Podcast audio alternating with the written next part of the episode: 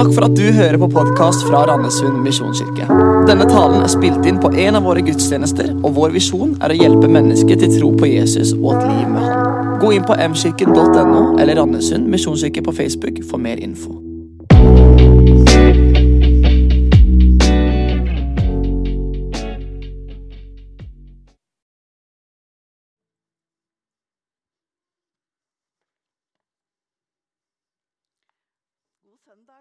Sammen. Det er et heftig tema. Dere skal være hellige, for jeg er hellig, sier Herren. Eh, For eh, eh, noen år siden så var jeg på retreat på Sandum. Det ligger i Lom, øverst oppe i Gudbrandsdalen. Og I flere dager så hadde jeg vært med på Jesus-meditasjon. og Det var taust, og jeg ba for meg sjøl. Og jeg eh, kjente vel etter hvert at eh,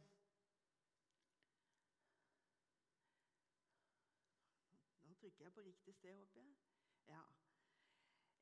Jeg kjente Jeg har en til.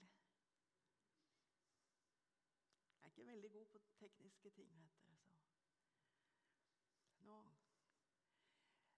Jeg hadde på en måte. Noe av dette har vi sagt nå. At den tre ganger hellige Gud, han er helt annerledes. Das ganz andre heter det på tysk veldig fint. Det blir veldig alvorlig, for jeg er jo bare et vanlig menneske. Men eh, da hadde jeg vært i en sånn eh, åndelig boble noen dager. Og jeg kjente at jeg var renset fra synden og utskilt for å være i Guds tjeneste. Jeg følte meg veldig from og litt sånn hellig. Det varte til jeg kom til Otta jernbanestasjon.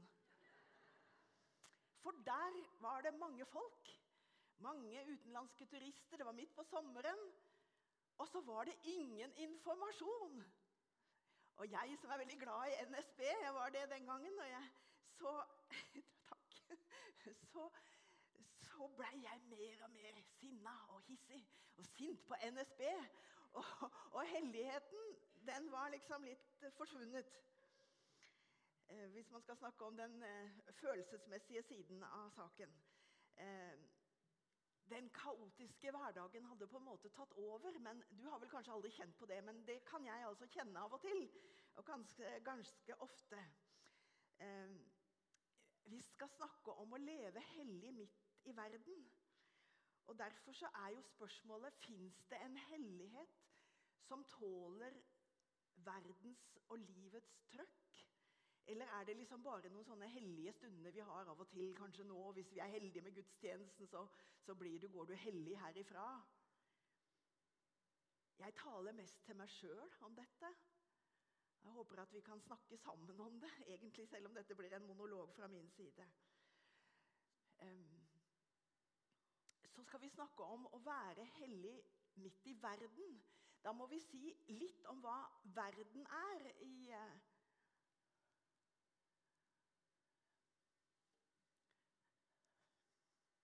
Jeg skal Åh, oh, ja. A meg. Ja, sånn er det å være hellig. Da er man så from at man ikke tenker på tekniske duppeditter engang. Uh, ja. Jo, vi må snakke om verden.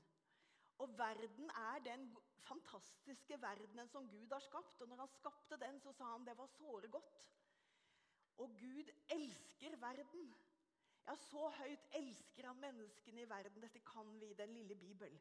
Det er Johannes, Johannes som skriver dette. Men Johannes skriver også en annen ting om verden. Og det er det som står her. Elsk ikke verden. Altså, Så høyt har Gud elsket verden at han ga sin sønn, den eneste.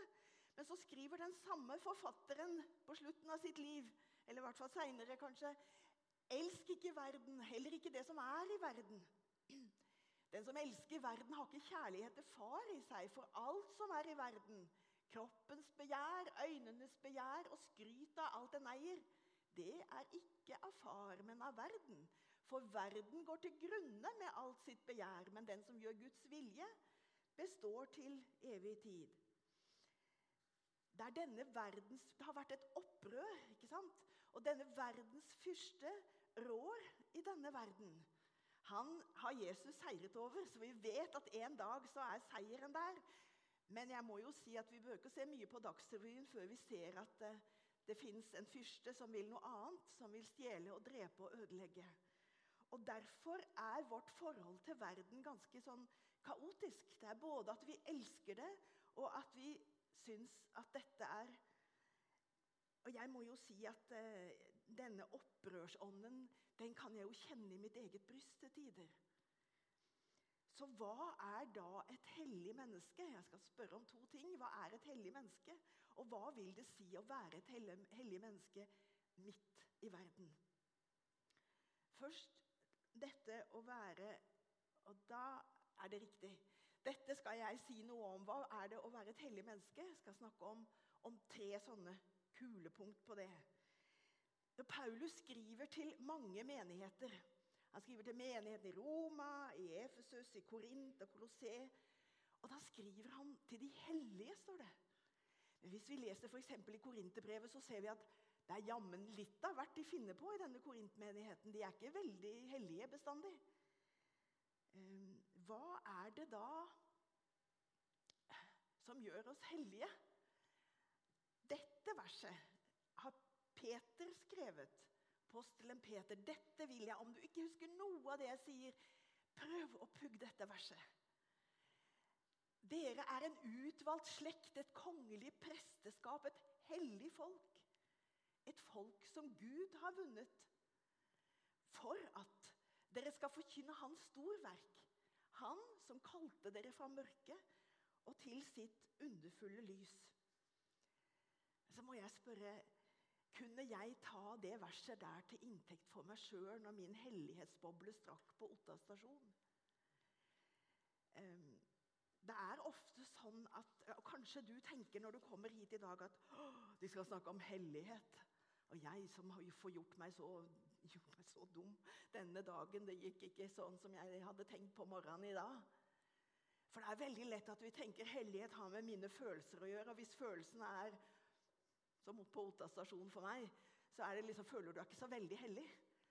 Og Derfor er det noe så fantastisk at vår hellighet stikker mye, mye dypere enn hva vi måtte føle til enhver tid. Et hellig menneske er et menneske i Kristus. Det er for vi som tror på Jesus Vi har på en måte to ting inni oss. Vi har fortsatt det der gamle mennesket, det som på en måte gjerne vil gjøre opprør, og som blir sinna veldig fort. og alt mulig, Misunner og sammenligner og alt det der. Jeg er så lei av det. Men det fins her inne. Men det fins også noe annet. Den som tror på Jesus, han er skjult i Kristus. Han har kledd på seg, på en måte tatt av seg de gamle klærne og kledd på seg Jesus-klærne. Og hva er det? Jo, det er Kristi rettferdighet og hellighet. Er Kristus rettferdig og hellig? Ja, han er fullkommen. Og så får jeg lov til Jeg er korsfestet med Kristus. Jeg lever ikke lenger selv, men Kristus lever i meg. Vet dere at jeg tror at Det var en sannhet for meg også når jeg sto helt ribba på en måte på Otta jernbanestasjon. Og det, det gjelder for deg om du føler at ah, jeg er en kristen, og så har jeg gjort dette her.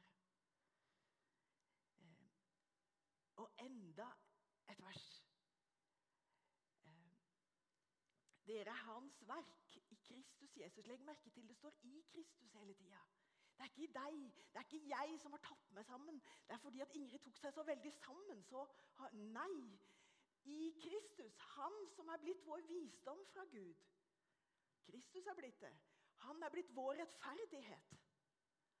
Han er blitt vår helliggjørelse. Og han er blitt vår forløsning. Er det ikke fantastisk? Vi er i Kristus, og den som har tatt imot Jesus av bare nåde uten å ha prestert, får lov til å leve i en hellighet og en rettferdighet som er sånn at Gud ser på meg og deg i Kristus som om vi aldri hadde syndet. Det er fenomenalt. Slik er det. Slik at Det første punktet, altså å være et hellig menneske, er å være i Kristus. Og sine synder skjult og tilgitt for Jesu navns skyld. Han er blitt min hellighet. Å være et hellig menneske er også for det andre det er å være en disippel eller en lærling som er under daglig og livslang opplæring.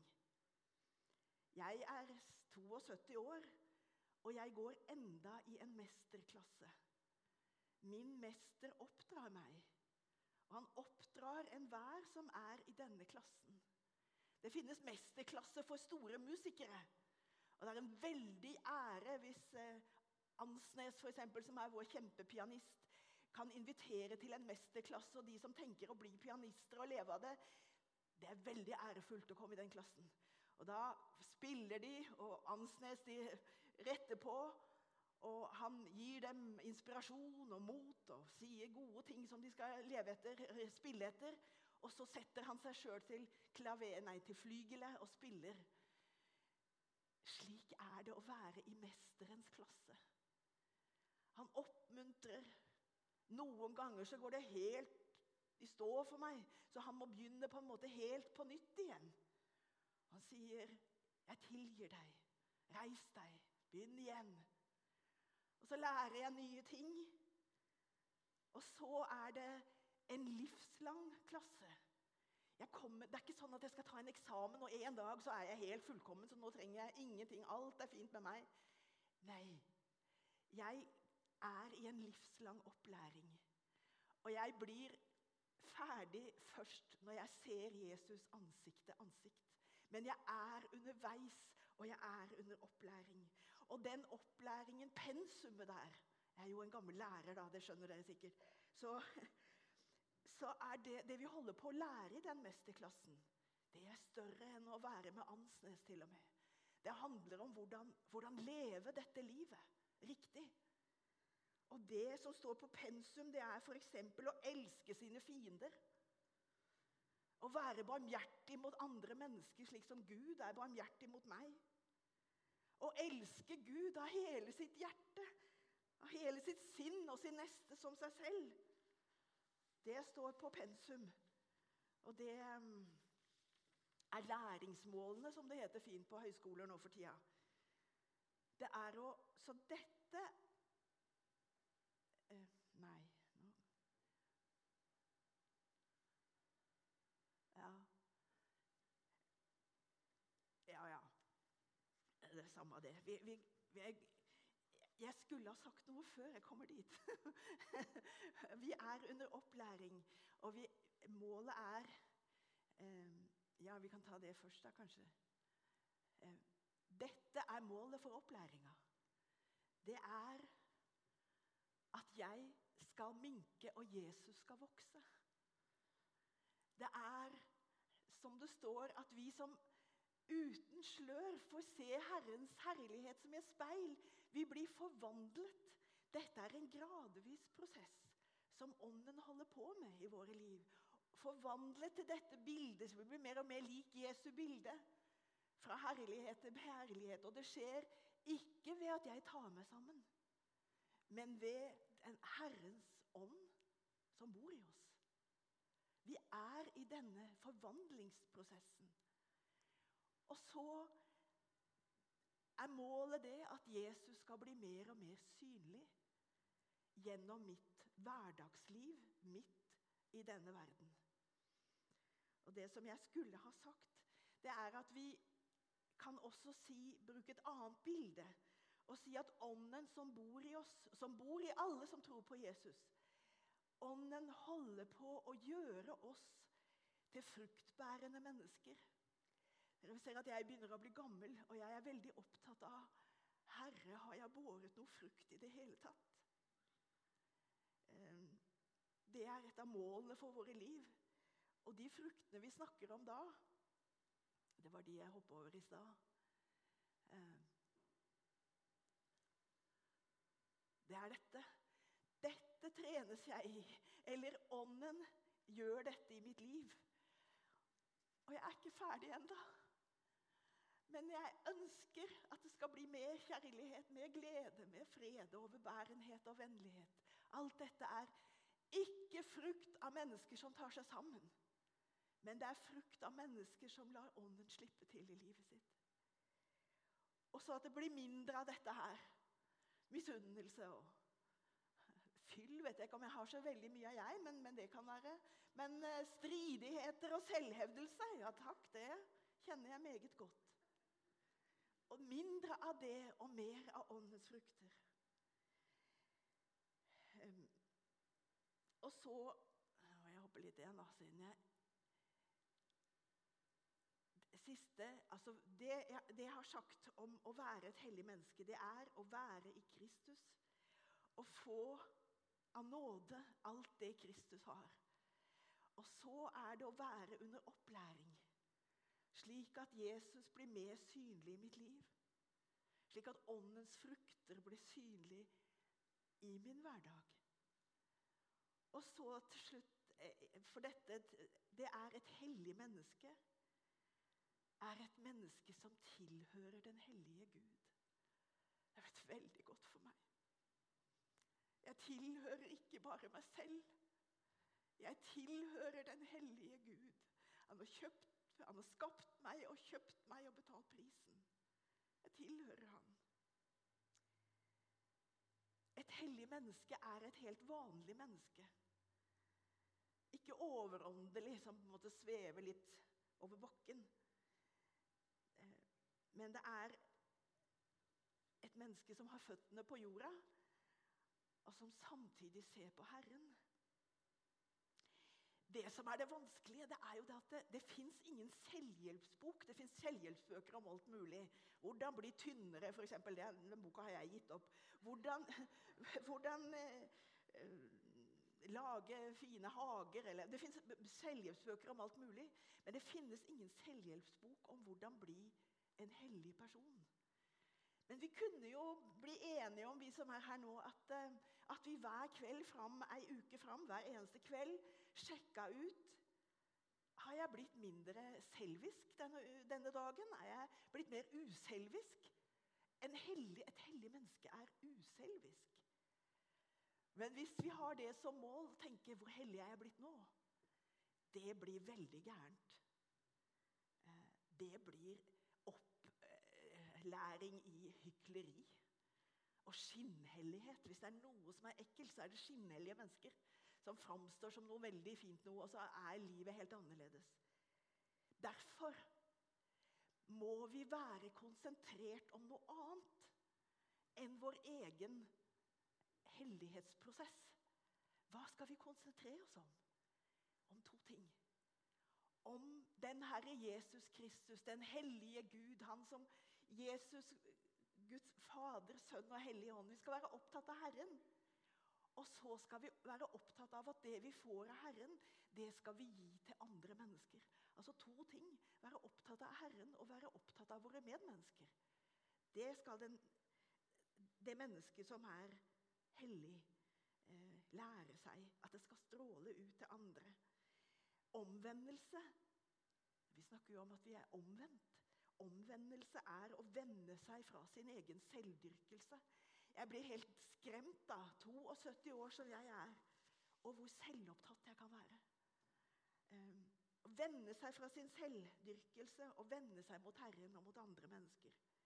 Å være helt avhengig av Jesu tilgivelse og nåde. Ja, Så det er å være et hellig menneske. Og så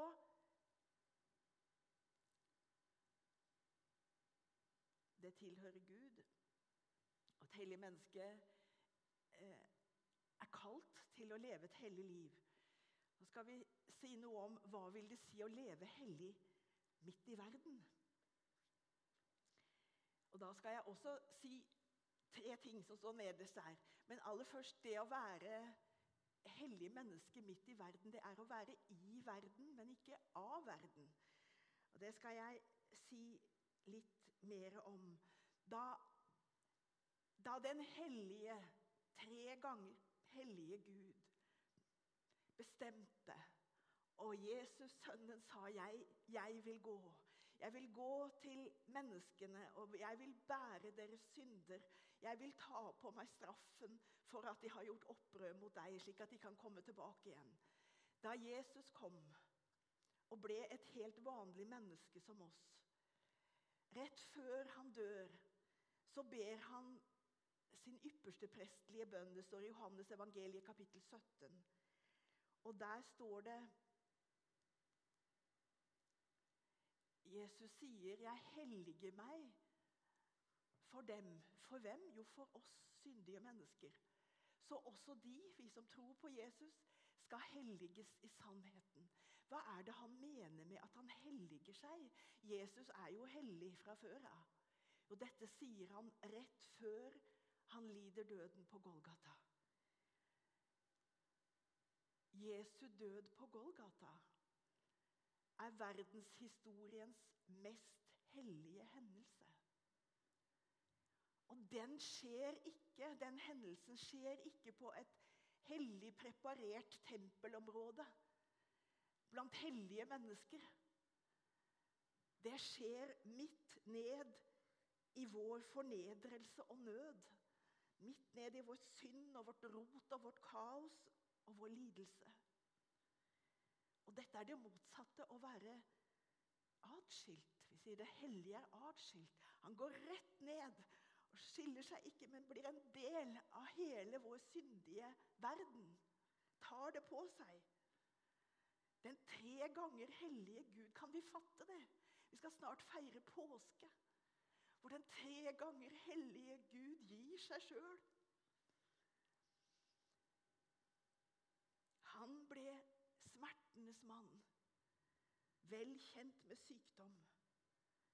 Den hellige ble såret for våre lovbrudd og knust for våre misgjerninger. Straffen lå på han, og vi fikk fred.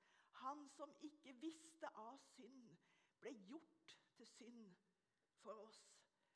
Og Det skjedde ikke på et hellig sted, det skjedde utenfor byporten.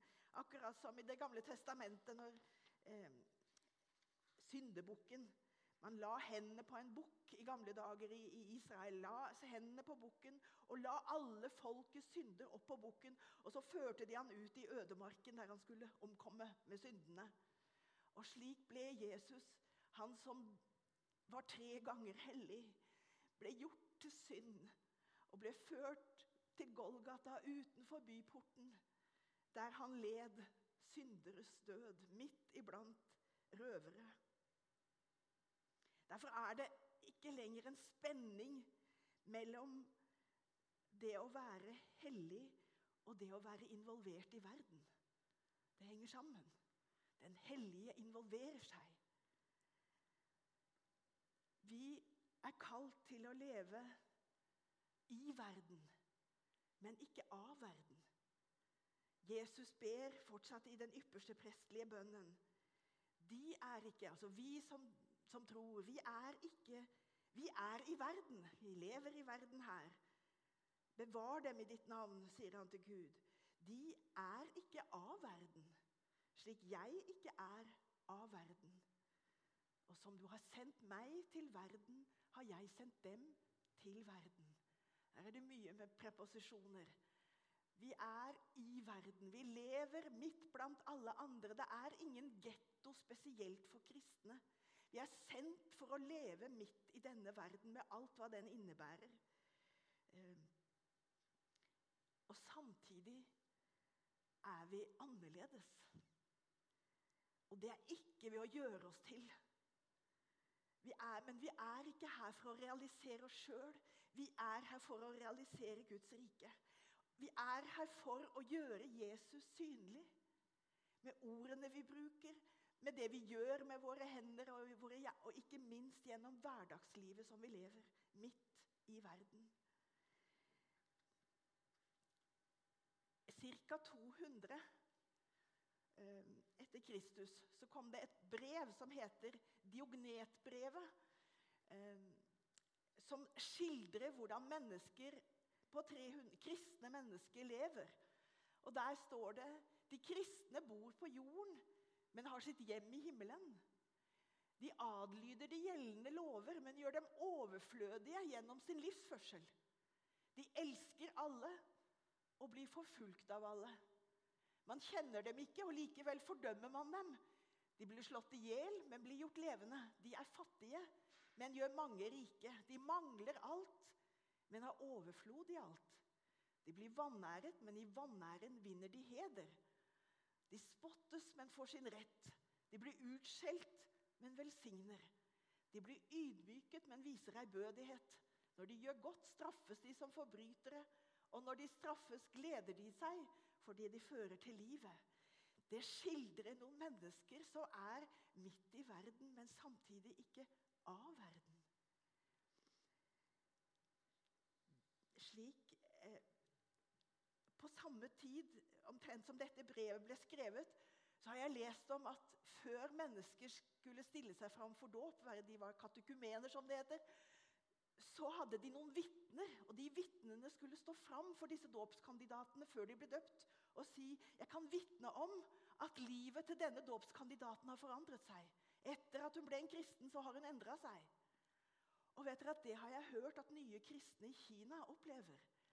Før de blir døpt, så går noen av de eldste i menigheten til naboene deres og spør har dere merket endring i måten som vedkommende lever på. Det finnes eh, Og det, de som studerer dette, de sier at en hovedgrunn til at den kristne kirke vokste så raskt i de første århundrene, det var nettopp de kristnes endrede livsførsel. De levde midt i livet sammen med alle andre, men de var annerledes. To eksempler eh, veldig fort fra, fra Det gamle testamentet. Som, og det, Den ene er Daniel. Han ble bortført fra Jerusalem i 587 når tempelet og, Jerusalem ble ødelagt. Han kom til Babylon. Der lærte han babylonsk språk og kultur. Han ble en i verden, i den babylonske verden. Ja, han ble leder. Eh, han ble blant eliten. Han fikk ministerpost. Og Samtidig så står det i Daniels bok at det var en usedvanlig ånd i han. Han levde i verden, men han var annerledes. Og hvor kom den annerledesheten fra? For han hadde en, en hellig vane. Tre ganger om dagen ba han til den hellige Gud vendt mot Jerusalem. Det gjorde han annerledes. Eller hvis vi går til vår stam fra Abraham Jeg har blitt veldig begeistra for det. Han ble kalt på sine gamle dager, han var eldre enn det jeg er nå, så ble han kalt til å reise til et land som Gud skulle vise ham. Og når han kom til kanoneernes land, så la han på en måte fra seg storbytilværelsen. Halvard Hagelia, min nabo, sa at å flytte fra Uri Kaldea til Kanans land, det er som å flytte fra Manhattan til Åmli. Det er mulig. Men i alle fall Han levde Han tok ikke på seg de gamle klærne med, med hva han var vant til i Ur. Han ble som nomadene i Kanans land. Derfor står det veldig mye om at han slo opp telt og flytta teltet og slo opp telt på nytt igjen fordi han hadde dyr som trengte beite. Men han gjorde ikke bare det. Når han hadde slått opp teltet, så står det hver gang. Da bygde han et alter. Han slo opp teltet og bygde et alter. Og slik levde han midt i den verden han var kommet i. Og samtidig var han ikke av den verdenen. Jeg kan bare forestille meg hvordan kanoneerne sto omkring og tenkte hva er det han holder på med? Og de hadde stor respekt for Abraham. Han bodde i telt, likt med alle andre. Sårbart bosted. Og samtidig så bygde han alter og ble et annet menneske. Så ut ifra dette, å leve hellig midt i verden. Det er for det første å engasjere seg med mennesker. Eh, det er å bygge Å ha et telt, bo nær folk der de bor, kjenne til hvordan verden er. Og samtidig være annerledes. Og et hellig menneske midt i verden de engasjerer seg i andre mennesker. Og et hellig menneske midt i verden lever nær Gud. Det er helt nødvendig for oss Om vi skal klare å leve der, så må vi ta til oss av Herrens kilder. Vi må gjøre det støtt og stendig, for vi blir veldig lett påvirket. Jeg, nå skal jeg snart slutte, så du må bare slappe av. Jeg er helt snart ferdig. Jeg var en gang på besøk i en Ungdom i oppdrag-base som lå midt i The Red Light District i Amsterdam. Det er horestrøket i Amsterdam. På den ene siden av det kristne senteret var det en satankirke. Og på den andre siden var det et hus med prostituerte. Og de levde midt der i den verdenen. Og samtidig så visste de vi er svake mennesker.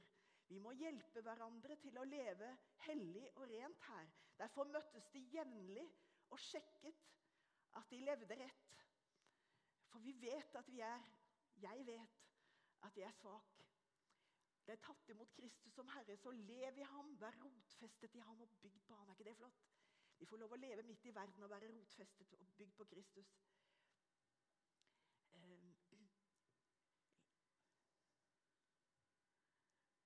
Og en gudsdyrkelse, det var slik de levde disse i Ungdom i oppdrag, som er ren og feilfri for Gud, vår far, er å hjelpe enker og foreldreløse barn i deres nød og ikke la seg flekke til av verden.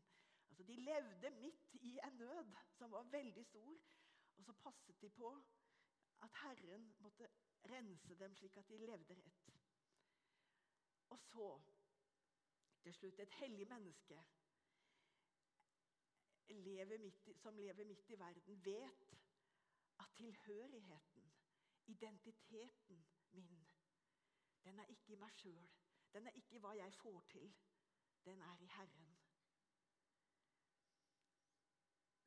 Derfor, helt til slutt Hvis dere ikke husker noe annet, så husk ja, kroppen deres. Alt det vi er, alt det vi har, alt det vi gjør, det tilhører Herren. For vi er hans eiendom. Og så husk dette verset. Hvorfor kaller Gud oss til å bli et hellig folk? Fordi vi ikke skal fortelle om oss sjøl, vi skal fortelle om Han. Ikke ved å ta oss sammen, men ved at Hans ånd slipper til i våre liv. Og føler du og føler jeg at det går dårlig med dette, så går det an å begynne på nytt igjen. Herren elsker sitt folk. Han elsker å helliggjøre oss. Amen. Så skal jeg be til slutt. Og det er en